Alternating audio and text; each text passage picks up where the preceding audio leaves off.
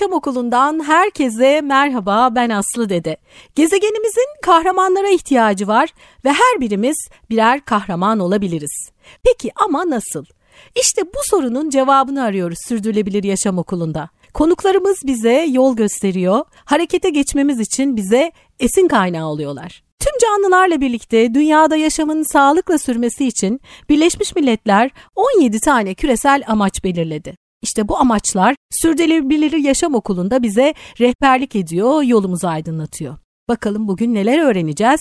Bugün yine çok değerli bir konuğum var. Divan Turizm İşletmeleri Çevre ve Sürdürülebilirlik Yöneticisi Nur Çelik bugün konuğum. Hoş geldiniz efendim. Hoş buldum. Şimdi Nur Hanım biz hiç bu tarafları konuşmadık. Aslında çok önemli bir konuyu konuşacağız. Turizm konuşacağız. Evet. Otellere gidiyoruz. Toplantılar, davetlere katılıyoruz e, bizler ya da düzenliyoruz. Ya da işte e, restoranlara gidiyoruz, kafelere gidiyoruz, pastanelere gidiyoruz.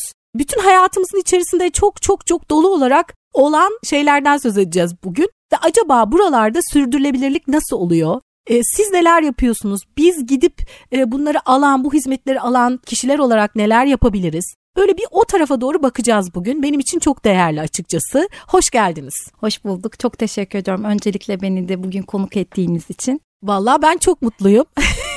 Kayıttan önce bayağı bir sohbet ettik. Kayıda giremedik. Stüdyodayız bugün. Her zaman stüdyodan kayıt almıyoruz. Bugün stüdyodayız. Çok da güzel oldu ama öyle bir sohbet, öyle bir sohbet ki konular tabii ortak. Bir kayıda gire giremeyecektik neredeyse.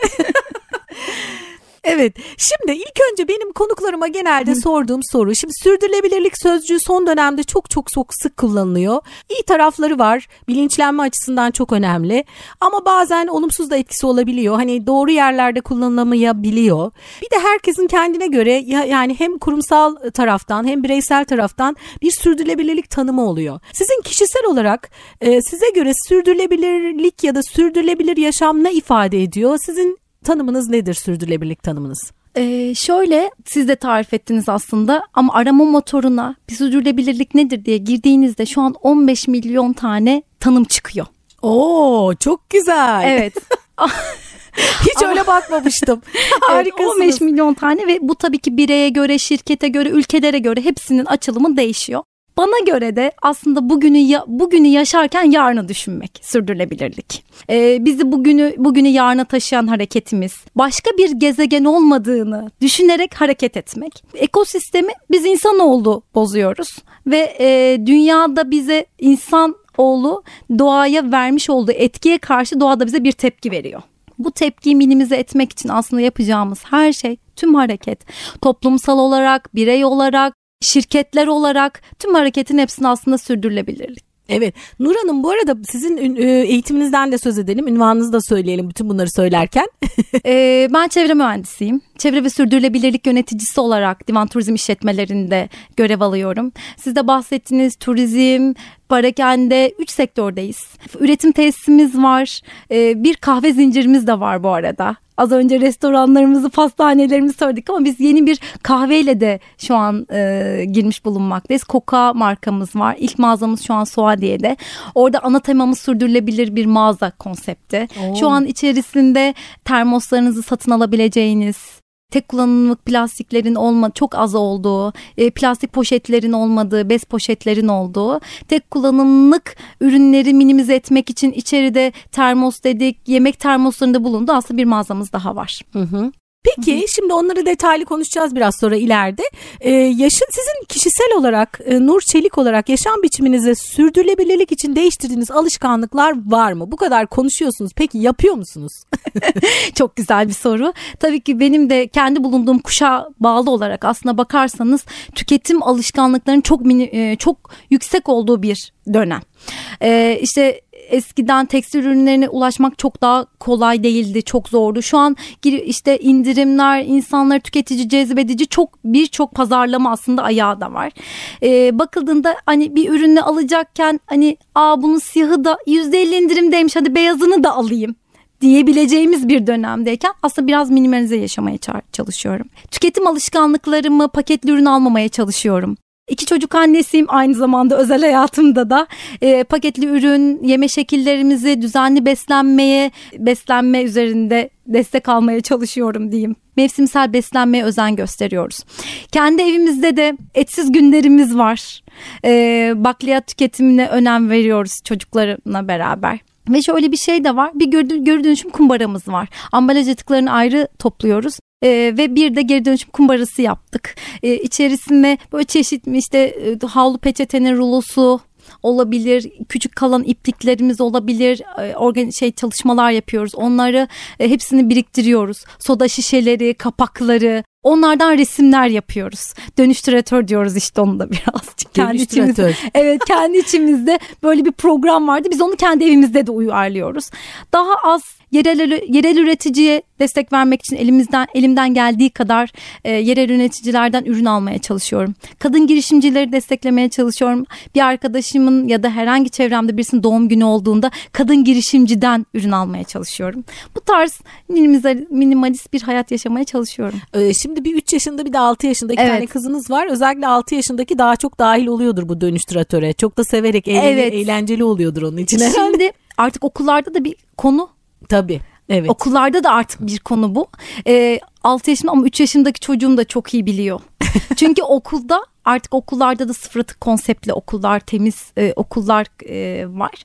Ve bunlardan dolayı da böyle herkes nereye nereye atacağını da biliyor. Hatta eve gel- geldiklerinde bizde neden kumbara yok? Neden sarı kumbara yok, mavi kumbara yok? Bizdeki kumbara çünkü tek bir kumbara var ya da bir poşet var. O poşetin içinde ambalaj atıklarını ayırıyoruz. İşte çöp kutusunda çöp ayırıyoruz renklerini sorgulamaya başladılar. Çünkü okulda renk skalasına göre çöplerin Onlar bizden daha iyi biliyor. evet daha iyi biliyorlar. Kompost yapıyoruz onlarla beraber. Aa, çok Kalan güzel. yemeklerinden e, biraz daha tabii ki kompost yapalım derken de e, işte yemeklerin tabaklarında çok bırakmaya başladılar. Aslında daha az bırakırlarsa çünkü evde bir koku da oluyor mutfakta o kompost yaparken. O kokunun daha az olacağını anlatmaya çalışıyorum. Ve böylelikle tabaklarını bitiriyorlar. o güzel çok amaçlı. evet, e, peki e, biraz da şimdi iş dünyasına geçelim istiyorum. E, iş dünyası için sürdürülebilirlik ne ifade ediyor sizce? Türkiye'de iş dünyasının sürdürülebilirlik için attığı adımları siz nasıl değerlendiriyorsunuz? aslında sürecin biraz çok başındayız. Ee, başında olmamıza gerek rağmen ülke olarak çok güçlü iddialı hedefler var. İşte e, şu kadar yıl sonra karbon nötr olacağız. Plastiği 2030 e, yılında 2035 yılında sıfırlayacağız. Çok iddialı hedefler. Umarım tabii ki e, bunların hepsi gerçekleşir ki gerçekleşirse hani önümüzde çok güzel günler bizi bekliyor olacak. Fakat bunların gerçekleşmesi için adım atmak gerekiyor. E, hedefler koyulması gerekiyor, yatırımlar yapılması gerekiyor. Bazı şeyler şu an sözde kalıyor sözdeyiz. Umarım e, sür, yani sürdürülebilirliği gerçek anlamda ilerletebiliyoruzdur. Çünkü greenwashing dediğimizde bir süreç var aslında. Kelime çok popüler bir kelime oldu. Şu an herkesin ağzında çok trend bir kelime. Herkes yıl başında sürdürülebilirlik hedeflerini belirliyor, sürdürülebilirlik amaçlarını açıklıyor ama gideceği yolu tariflemiyor. Evet. Dolayısıyla daha yapılacak çok şey var Çok şey var. Evet. Ama bakıldığında çok da güzel bir e, herkesin ajandasında ama inşallah e, verilen hedeflere güzel bir şekilde ilerlenebilir. İşte biz de bunlar e, olsun diye aslında biraz da motive edici olsun diye esinlendirici olsun diye konuşuyoruz. E, mümkün olduğu kadar etkili olsun bu örnekler diye. Şimdi peki siz divan grubunda e, divanın kurumsal sürdürülebilir çalışmaları ve hedefleri neler ve çalışanlarınızın buna yaklaşımı ne? Neler yapıyorsunuz bunu merak ediyoruz. E, grup olarak üç farklı sektörde hizmet ediyoruz. Tabii ki üç farklı sektörü de yönetmesi gerçekten zor. E, hem yeme içmede e, işte restoranlarımızda, tedarik zincirimizde, turizmde ve üretimdeyiz. Ama işi sürdürülebilirlik aslında bizim bir iş yap, yapış şeklimiz. Ve bu e, yapış şeklimize de göre de her yıl kendi kendi divanın stratejisini sürdürülebilirlik stratejisiyle şu an hizalamaya çalışıyoruz. Hedeflerimizi her yıl ona göre belirliyoruz. Bu yöneticilerden, şirketin hedefi olsun hepsini bu şekilde hizalamaya çalışıyoruz. Tek kullanımlık plastikler konusunda tabii ki çevreye çevre zararından ziyade bir de ekonomik de bir kayıp var ve bakıldığında dünya genelinde şu an son 50 yılda 20 kat plastik tüketiminde bir artış var ki bu önümüzde 2050 yılına kadar bunun ikiye de iki katı da fazla olacağı görünüyor. Divan olarak biz de dedik ki o zaman kendi kullanmış olduğumuz ürünlerimizde kullanmış olduğumuz plastikleri azaltalım. E, çalışanlarımızın tek kullanımlık plastiklerini e, sonlandırma e, taahhütümüz var. Alışkanlıkları değiştirmek çok zor. Tabii evet. Ama bunun içinde çalışanlarımızı bilinçlendiriyoruz. Çalışanlarımızı bilinçlendirmek için çalışmalar yürütüyoruz. Karbon nötr hedefimiz var bizim de topluluk olarak da 2050 yılında karbon nötr olma hedefimiz var ve bu konu hakkında da şimdiden yatırım hedeflerimizi belirlemiş bir durumdayız. Yatırım hedefleri bizim için çok önemli. Sürecimizi ona göre ilerletmeye çalışıyoruz. Ve tabii ki bir gıda firmasıyız. Yani turizmde de gıda tarafı var ve aynı zamanda da gıda önemli. Gıdada da bir tüketicinin, bir misafirimizden, tüketici demeyeyim, misafirimizin önüne koyduğumuz tabaktaki yemek gelene kadar o tabağın bitmesi tabii ki çok önemli. Sonuçta gıda atığı olmaması için çalışıyoruz. Ama o tabağa gelene kadar da %80, %70, %80 bir gıda kaybı var. O çok önemli hakikaten. Ee, yani kayıttan önce de söylediğiniz şaşırdım yüzde seksen. Evet yüzde yetmiş yüzde seksen bir gıda kaybı var. Tabağa gelene kadar. Gelene kadar. Önemli olan biz o şu an oraya inmiş durumdayız. Ne yapabiliriz? Onunla alakalı projelerimiz var ve onu biz şu an indirmeye çalışacağız. Hatta şöyle de söyleyebilirim. Türkiye domatesi tüketmek için üretiyor. E, çok güzel çalışmalar var. E, bunları da dilerseniz sonrasında sizinle paylaşabilirim. Böyle bir süreç var. Onun için de özellikle biz şu an gıda atına biraz e, azalmış bir durumdayız.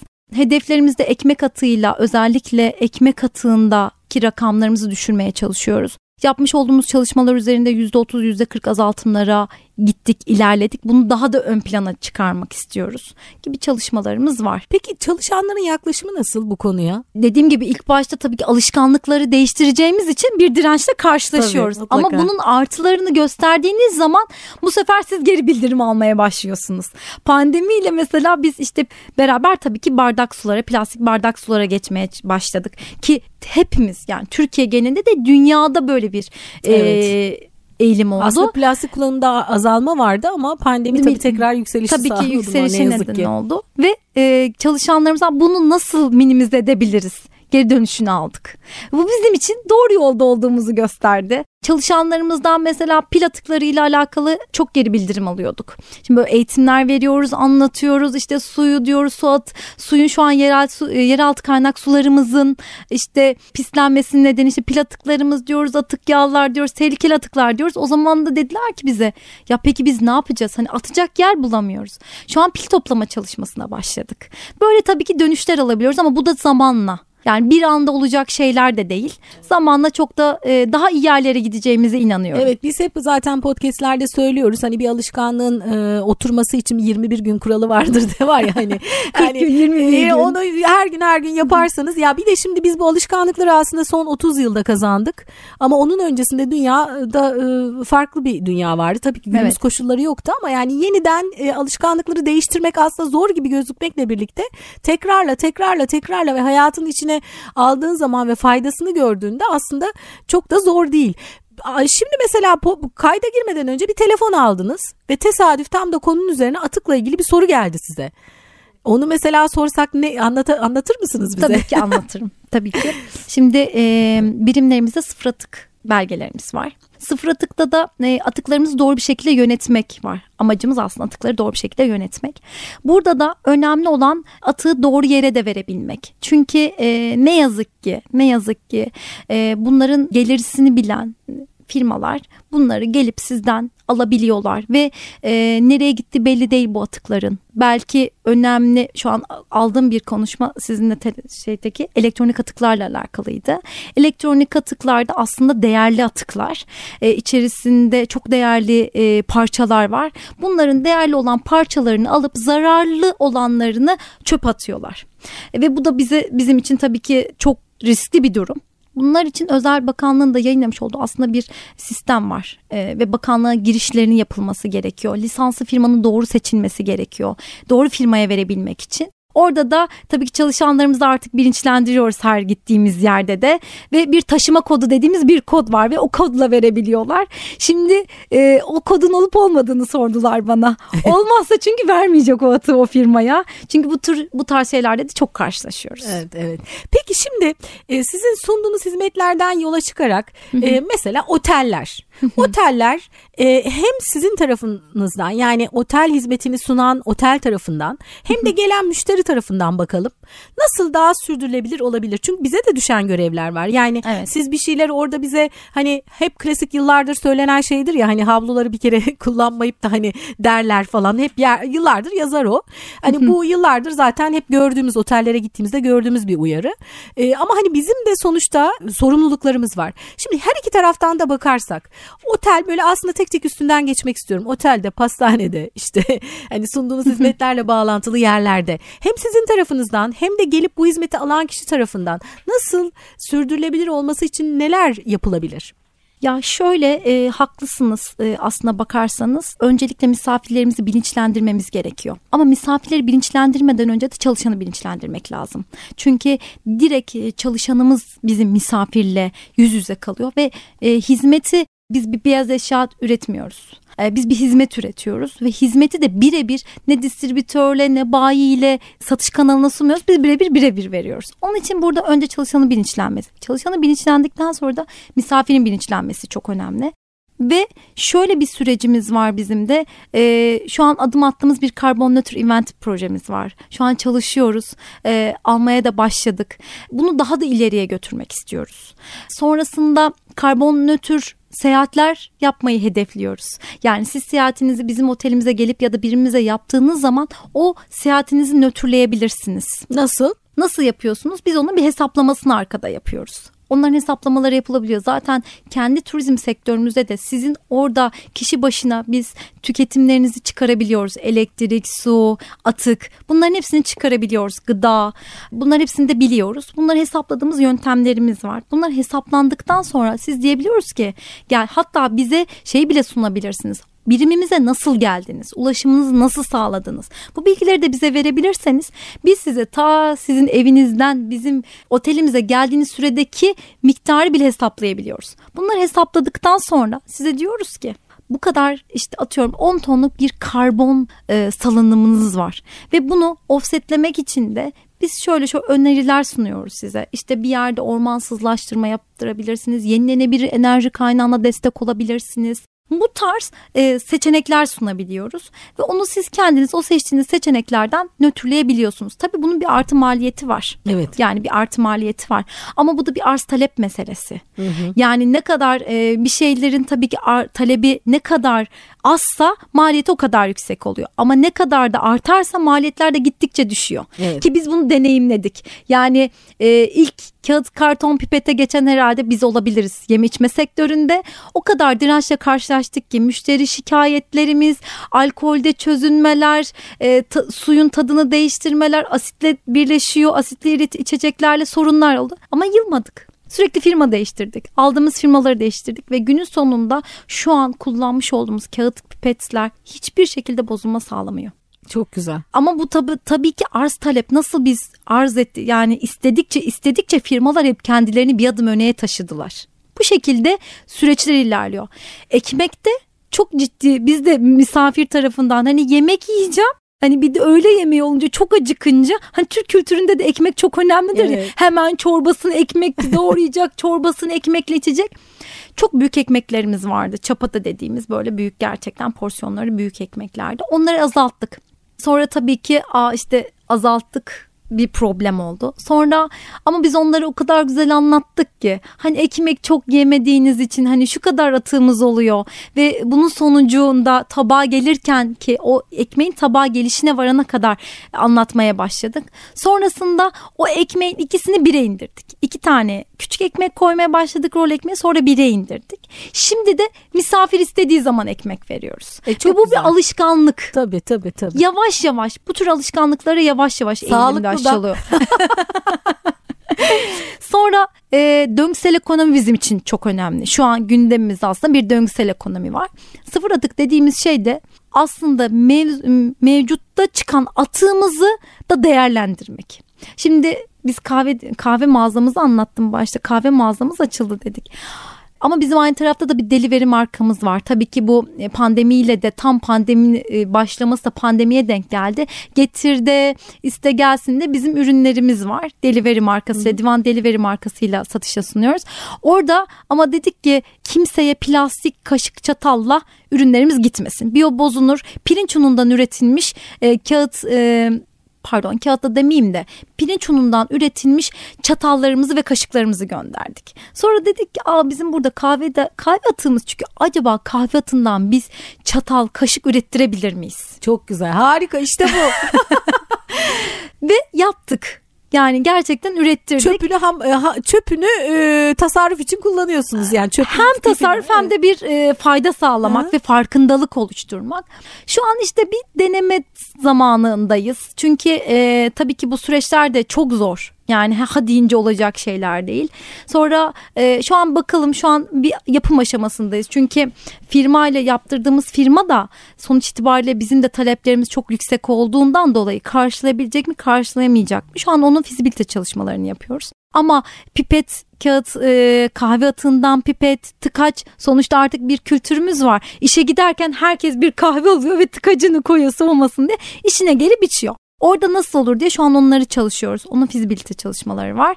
Bunları anlatmak önemli. Peki şöyle sorsam size bir de. Şimdi ben bir e, gidip bir otelde kalmak istiyorum ama o otelin e, sürdürülebilirlik ilkelerine daha uygun bir otel olduğunu bilmek istiyorum. Bunu nasıl anlayabilirim? Bir tüketici olarak bu seçimi nasıl yapabilirim? Ee, çok güzel. Ee, şu an onu konuşuyoruz biz de çünkü. Yani tabii ki biz de artık biliyorsun sosyal medyayı herkes çok güzel kullanıyor. Yani biz de buralarda sosyal medyada da bir adım ön plana çıkmaya çalışıyoruz. Ama yeterli e, değiliz şu an. İlerleyen hedeflerimiz arasında bunlar da var. Sayfamızda var. Şu an mesela bir otelimiz yeşil bir otel. Şimdi işte aslında o amaçla sormuştum bu soruyu. Yani bir belgelendirme sistemini bilmeyenler olabilir. Evet. E, turizm sektöründe bununla ilgili nasıl bir belgelendirme sistemi var? Yeşil otel deyince ne anlayalım? Çok güzel bir belgelendirme sürecimiz var. E, şu an Green Key sertifikalı otelimiz. E, şu an diğer otellerimize de bunu e, bu sene yaygınlaştırmaya başladık.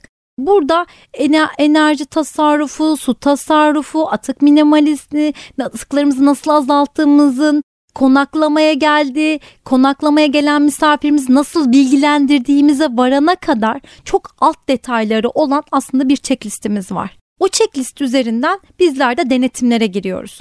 Yılda bir kere, iki kere yani bu bakanlık tarafından değil de bu süreci yöneten denetim firması evet, var. Evet, denetim firması bağımsız. var. Bağımsız bir denetim firması var. Onlardan haberli habersiz bu arada e, habersiz misafir olarak da gelebiliyorlar birimlerimize. Misafir olarak da biz onları hani hiç denetçi olarak bilmiyoruz. Misafir olarak ağırlıyoruz ama günün sonunda denetime girdiğimizi anlıyoruz.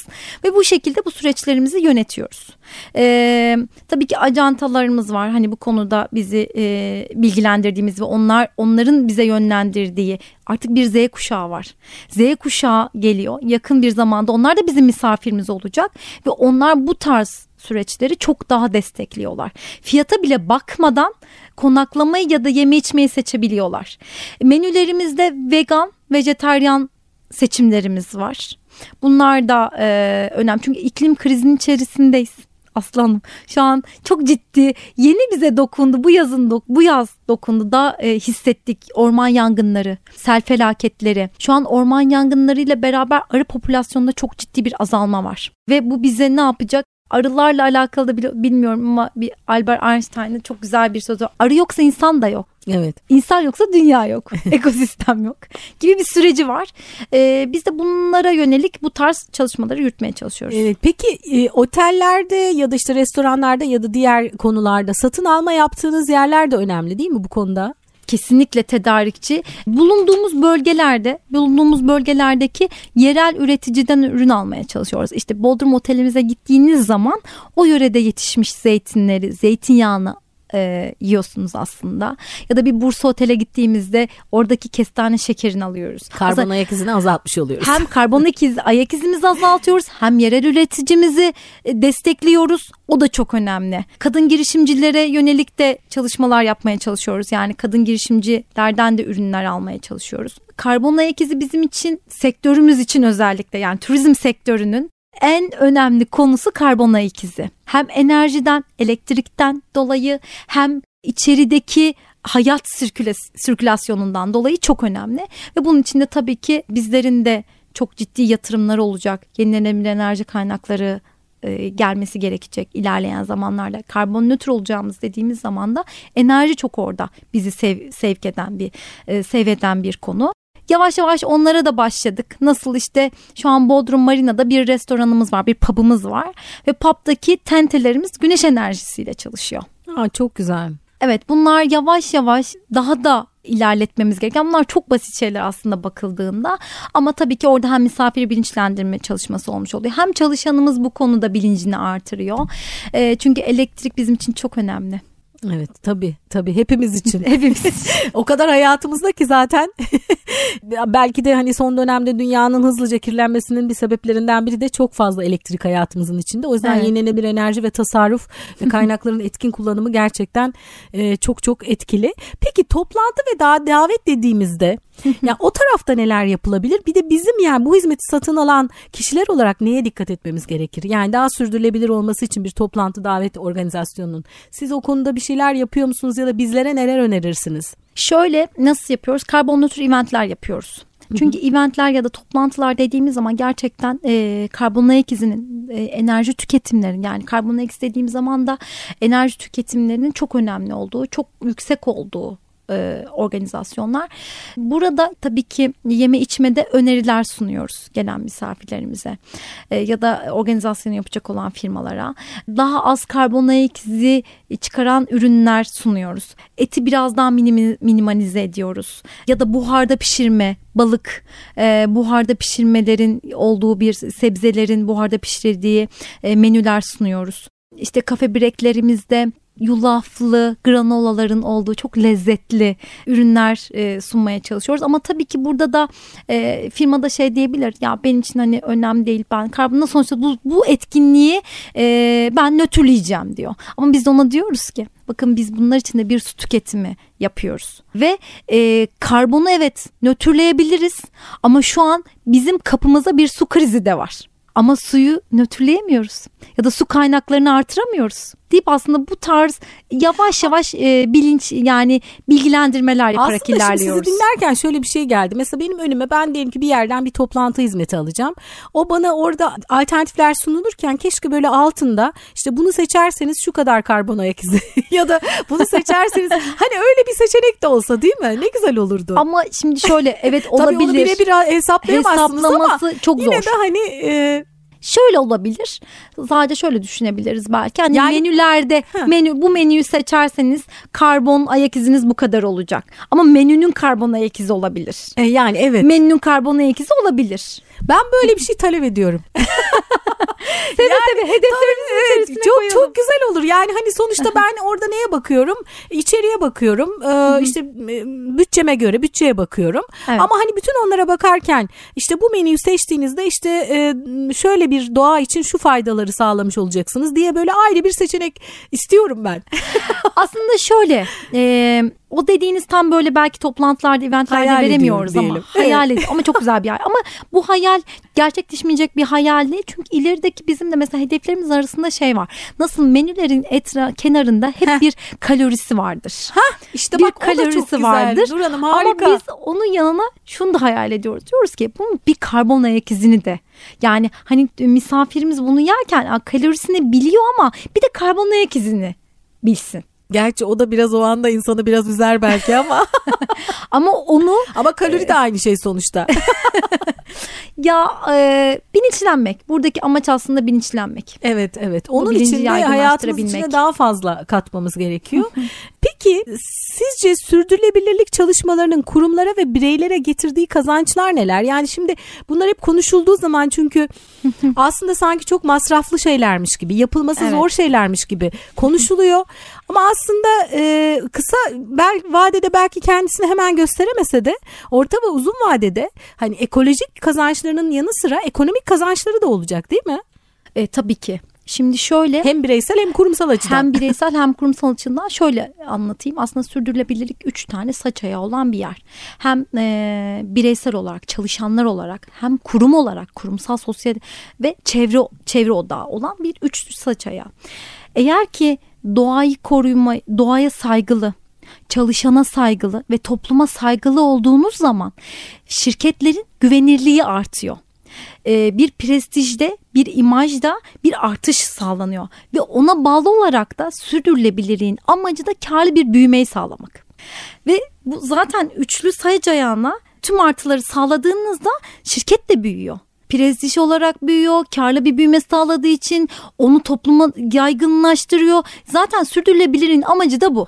Ve çalışanlarını bilinçlendirdiği için de bir çalışan demek etrafında en az 100 kişi demek.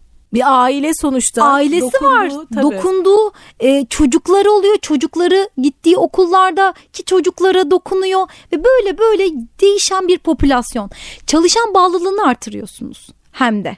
Yani topluma sağladığınız fayda çalışan bağlılığınızı da artırıyor. Çünkü şu günümüzün şartlarında çalışanına saygılı olan, çalışan bağlılığını yüksek olan şirketler ayakta kalabiliyor. Çünkü şirketi var eden çalışan.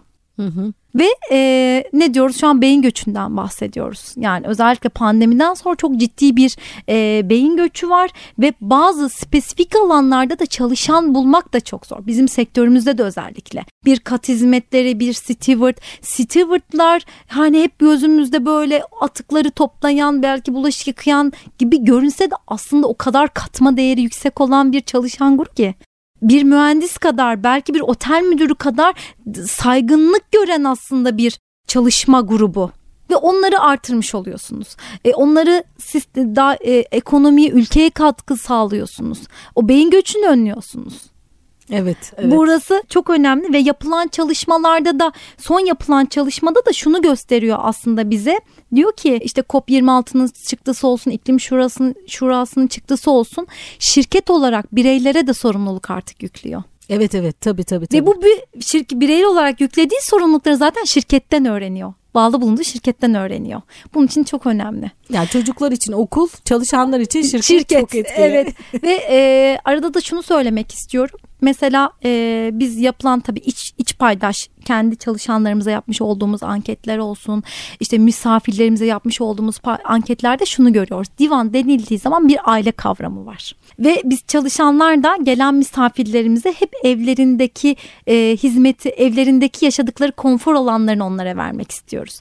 Bir taraftan da onların da aynı tüketimde aynı evindeymişiz gibi özveride bulunmalarını aslında bekliyoruz bir tarafta enerji tasarrufunda olsun, tüketimlerinde olsun yiyebildikleri kadar ürün almalarını istiyoruz bir tarafta. Aslında Bunları bunu da... her yerde e, alışkanlık haline getirmek gerekiyor. evet, havlu örneğini verdiniz mesela az önce. O bizim için mesela çok önemli. Orada turizmde çok önemli diyeyim. Neden? Turizm sektörü altta inanılmaz bir e, sektöre fayda sağlıyor. Bine yakın bir alt sektörü destekliyor turizm. Özellikle pandemide bunu gördük turizmle beraber. Ve orada da bilinçlenmek, e, siz ne kadar karşı tarafa bilgiyi doğru aktarırsanız o tarafında doğru kazanmasına neden oluyorsunuz. Yani havluyu yere at iki gün sonra yıkayalım. İşte televizyonunu uyumadan önce kapat. Enerjiye dikkat et. Suyu çok fazla açma. Çünkü su tasarrufu çok önemli. Bunu aynı evindeymiş evindeymiş gibi biz de o hizmeti verirken evindeki konforu sağlıyorken de bu taraftan da bunları tabii bekliyoruz. Evet, tabii bu arada mesela e, kat hizmetlerinde de hani temizlikte falan da aslında personelin de dikkat etmesi gereken pek çok şey var bu konuyla ilgili değil mi? Kesinlikle doğru kimyasal kullanmak, atıkları doğru bir şekilde e, ayrıştırmasını sağlamak, birçok yerde biz aslında e, kimyasalsız temizlik de yapmaya başladık. E, bunları tabii anlatmak da çok önemli. Evet. Peki e, aslında daha konuşacak çok şey var ama yavaş yavaş da artık sonumuzuna geliyoruz süremizin. Sizce sürdürülebilir yaşam kültürü oluşturmak için bütünsel olarak e, ne yapmamız lazım? Hangi adımlar e, önemli? E, ben önce hep şunu söylüyorum. Önce kendimize inanacağız. Yani çünkü e, hep şu inanmadan var, olmaz. İnanmadan olmaz. Tek başıma dünyayı ben mi kurtaracağım? Heh, hep o hep bu söylenen var. Hep şey. Öncelikle evet belki tek başına dünyayı kendimiz kurtaracağız mantığıyla bakıp önce kendimiz inanacağız. Meraklı olacağız, öğreneceğiz. Yani gerçekten e, bu süreçler nasıl ilerliyor? Ya bu 17 tane bir kalkınma amacı var ama bunlar neye tekabül ediyor? Ne karşılığı ne? Biraz öğreneceğiz. Öğrendikten sonra da birey olarak da hem çalıştığımız firmalara da olabilir kendimize de çözümler üretmemiz lazım. Projeler çıkarmamız lazım. Ve bunu çıkardıktan sonra da bunu herkese paylaşması en önemlisi. Üç maymunu oynamayacağız. İyi uygulamaları herkese anlatmamız lazım. Aynen bugün burada olduğu gibi. Evet evet. İyi uygulamaları böyle herkese anlatıp anlatıp anlatıp daha da yayılmasını sağlayacağız. Podcast'leri dinleyeceğiz. Kesinlikle. ee, bizim aynı zamanda sunduğumuz eğitim hizmetleri, atölye hizmetleri de var. Ee, Gezegenin Kahramanları adı. ve orada biz e, aslında üç bölüm ayırıyoruz bu eğitim ve atölye kısmını. Değişim, dönüşüm, davet diyoruz. Çünkü farkındalık oluştuğu zaman aslında değişim e, başlamış oluyor. e, bir hareket herhangi bir aksiyon aldığınızda, harekete geçtiğinizde aslında dönüşüme geçmiş oluyorsunuz. Evet. Ve sonrasında da aslında paylaşıp çoğaltmamız lazım. Hareketin yaygınlaşması için işte o da davet aşaması. Örnek olmak ya da. Evet, Bunlar iyi da uygulamaları anlatmak. Evet. Her yerde. Üç maymun oynamamak. Evet.